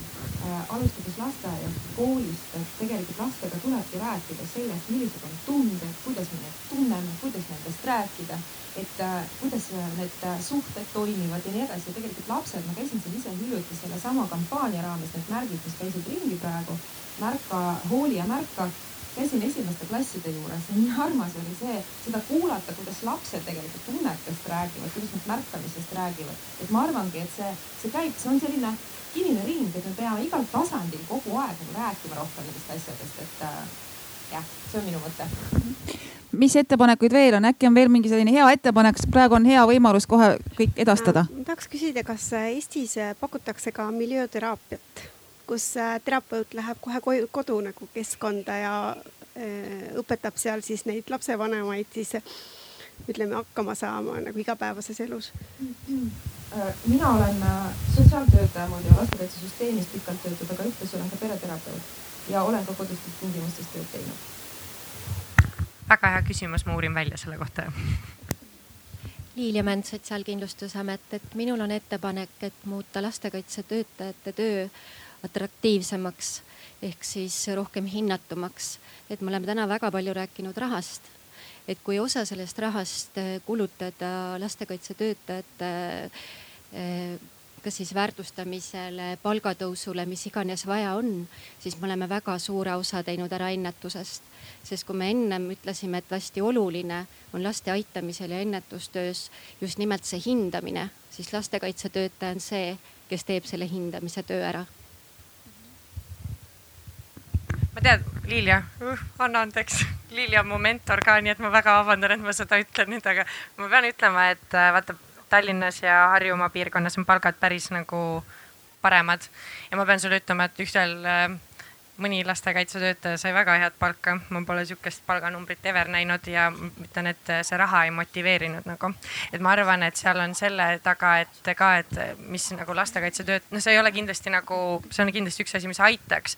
aga mis ma näen, et töö on praegu selline, et tegelikult vaata, mis me sinuga rääkisime ka, et lastekaitsetöötaja ei pea olema ainult see, et ta aitab abivajajaid, vaid ta on ka selle jaoks, et nagu noh, just nimelt ka tegeleda mingil kujul ennetusega või arendamisega, laste ja perede heaolu arendamisega üldse, et aga täna ma tunnen, et nemad tunnevad, et nemad on nagu, ongi ainult, mina tegelengi ainult abi vajavate lastega ja pigem nagu kogu aeg tuleb neile nagu nõudmisi ja asju peale, et äh, vajavad sihuke emotsionaalsemat ja moraalset tuge nagu, et nad näeksid seda poolt ka nagu, aga noh. Ja kindlasti pole palk nüüd ainult äh, see, mis äh, väärtustaks seda tööd, et, et meil tuleb ikkagi uus põlvkond peale, noored tulevad peale, et, et nemad, nendel on teistsugused väärtused. mm et ka siin, kui me eelmises äh, äh, seal arutelus kuulasime just neid kodukontori võimalusi, et, et teadupärast seda Y-generatsiooni ikkagi motiveerivad võib-olla need töötingimused ja nii edasi. et see kõik on omaette teadus.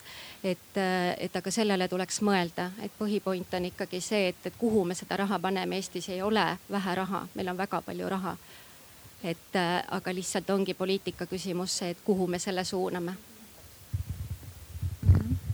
aitäh, mingeid kommentaare veel või mõtteid? tähendab, no natukene üks mõte seoses äh, lastekaitsjate või lastekaitsetöötajate ettevalmistamisega. et praegu on Eestis õhus see, et äh, räägitakse rohkem eakate hooldamisest ja vähem, et on ülejäänud ühiskond ka olemas ja neil on, et neil üldse mingeid probleeme on või, või et nad kuidagi hädas on ehk siis eh, tähelepanu on justkui sellele kõige vanemale põlvkonnale, tema hooldamisele, hooldamisvajadusele. ja, ja sellest tulenevalt ei saada nagu aru eh, mitut asja, et üks asi on see, et ühiskond läheb järjest keerulisemaks ja kõikidel on tegelikult järjest keerulisem elada. ja, ja, ja teiselt poolt see, et ka see noh, lastekaitsja või sotsiaaltöötaja või sotsiaalpedagoogi eh, töö läheb keerulisemaks. no kasvõi seesama, et kas ta oskab selle lapsega rääkida, kas ta oskab selle vanemaga, kas ta oskab eh, mitte, ma ei mõtle mingit sisseostetud tõenduspõhise programmi järgi peret hinnata vaid et tal endal ka nagu mõistus peas oleks, eks ole, et ta oleks analüütiline, sellepärast et asjad, kontekst kogu aeg muutub, asjad muutuvad, ühiskond muutub ja ei ole niimoodi mingit jäävat sellist asja olemas. mõistust on vaja, eks ole, analüütilisust ja, ja oht on nüüd selles, et, et ka sotsiaaltöötajate ettevalmistus eh, magistriastmel on tõelises ohus. tulenevalt sellest, et meil on vaja hooldustöötajaid, meil ei ole vaja sotsiaaltöötajaid magistriharidusega, et et või siis, kui neid ühes kohas ette valmistatakse, siis see on piisav, sest et meil on hooldustöötajaid vaja et niisugune mantra, et pange tähele seda retoorikat ühiskonnas ja kui on võimalik, siis astuge ja reageerige sellele oot-oot-oot, kas see nüüd tähendab seda siis, et sotsiaaltöötajaid jääb kuidagimoodi vähemaks äh, kohe varsti nüüd või? kui me, kui me võtame OSKA raporti mm, -hmm. siis see on selline tõeline mantra ja seal on läbi kirjutatud see, see metoodika tegelikult äh, ei kannata eriti kriitikat, aga tal on väga suur jõud ja seal on väga selgelt välja öeldud, et meil on liiga palju eh, kõrgelt haritud sotsiaaltöötajaid, et neid on juba liigselt ette valmistatud. vaadake, otsige üles see lõik sealt mm. -hmm. ja sellest lähtuvad nüüd ka ülikoolid mm. -hmm. see on ja, väga huvitav, sest ja. et me erinevaid sotsiaalvaldkonna seaduseid menetledes, ma töötan sotsiaalkomisjonis, kogu aeg tahame panna jälle kõrgemaid standardeid sotsiaaltöö ekspertidele. et no lastekaitsetöötajad ju nüüd hiljuti pandi sisse seadusesse, et peab olema kõrgharitud ja, ja meil oli sotsiaalhoolekande seadust menetledes jälle arutelu, et noh, näiteks needsamad naiste varjupaikades töötavad inimesed või spetsialistid, kas nad peaksid olema sotsiaaltöö kõrgharidusega, et, et see on nagu haridusväärtusena sotsiaaltöös on olnud meil diskussioonis nagu kogu aeg kõrgel kohal. ma saan aru, et teie räägite raportist. Mul tuli üks väike mõte niisugune, et, et tegelikult võib-olla, et äh, väga tihti me räägime nagu Tallinna või Tartu keskeselt, kus, äh, kus tõesti on teenused äh, inimestele palju rohkem kättesaadavad, kui on näiteks ääremaadel. et selles suhtes võiks ikkagi need teenused ka liikuda ääremaade poole, kvaliteetsed teenused, mitte sellised, et lihtsalt linnuke kirjas ja udi vekk et ikka võiks olla tõesti kvaliteetne, näiteks on täiesti selline näide, et väärkoheldud neiu äh, läks äh, psühholoogi juurde äh, ja psühholoog ütles talle niimoodi, et su ema on selles süüdi. Ja õli valas niimoodi tulle, et tänasel päeval neiu ja ema ei saa omavahel absoluutselt läbi, tüdruk ei käi koolis, absoluutselt kedagi ei kuula. Täiskasvanute suhtes on täielik nonsenss tekkinud, nii et, et siin nagu tuleb ikkagi meil vaadata nagu seda, et, et see kvaliteetne teenus tõesti liiguks abivajaja poole. Nendesse maakondades, kus tõesti on ka tööpuudus suurem, seal lihtsalt on need äh, sotsiaalsed probleemid natuke suuremad, kui need on äh, nendes piirkondades, kus on tööd ja, ja, ja palgatase on natukene ka kõrgem.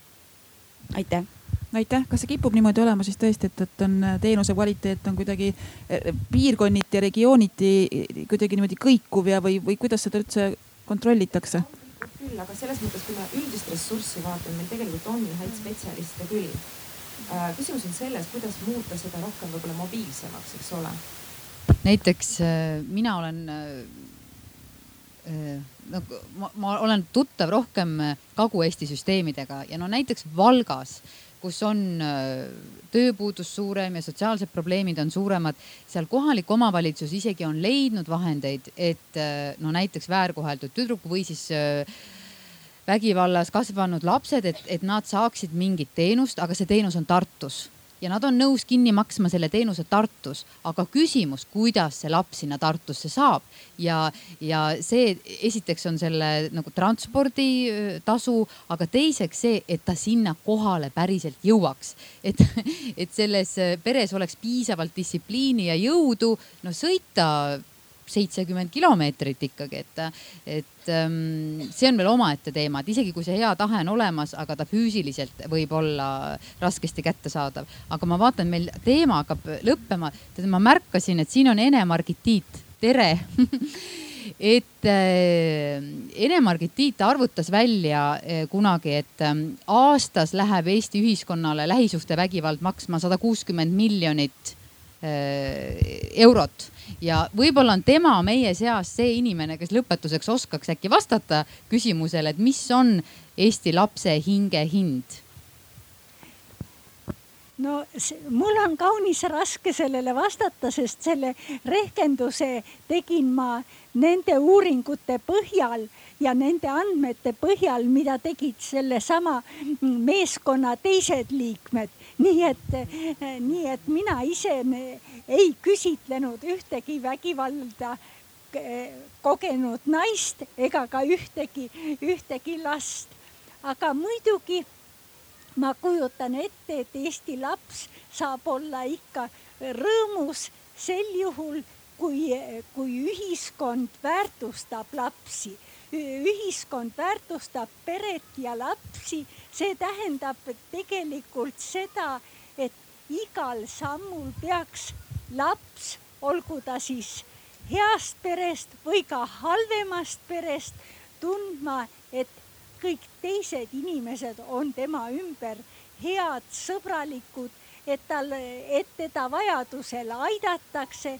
kõik, kõik see niisugune ütleme mingis mõttes Põhjamaade eh, heaolu ühiskonnale iseloomulik õhkkond võiks olla ka meil valitsev. aitäh. suur aitäh ma arvan, me oleme nõus sellega ja, ja, ja täitsa, ma arvan, see ongi kuidagi mm, sellega ongi tegelikult täitsa hea seda meie vestlust täna siin lõpetada, aga kui keegi nüüd tunneb, et väga näpp on püsti. oi. tahtsin, tahtsin lisada ja, viimasele mõttele, kuidas see lapse hing, hing, hinge hind tõuseks. see on nii, et me peame iga lapse hinge hinda väärtustama. tähendab seda, mis siin ettepanek juba tuli Liina poolt. et kümme tundi kohustuslikus korras kõik lapsevanemad, kelle perre laps sünnib, peavad saama perenõustamist. See on lihtsalt kohustus ja seda võiks ka rahaga siduda. selles mõttes, et lapse toetused sõltuksid ka sellest. siis lapsevanem on ka huvitatud sellest, et ta oma lapse viib või mitte oma lapse, vaid ise läheb nõustamisele, et ta oskaks oma last kasvatada. sest noh, kui utreerida seda mõtet, siis on niimoodi, meil ei oleks lastekaitset üldse vaja.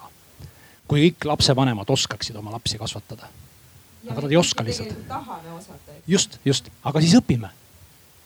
Ja seda saab teha ja kõik sotsiaaltöötajad saavad tööd ka siis et, et ma ise ka sotsiaaltöötaja haridusega, et, et, et siis olekski see võimalus loodud. et seda võiks sotsiaalministeerium arvestada ja, ja tegelikult seadusesse selle ka kirjutada, et tõepoolest lapsevanemad saaksid kõik harituks.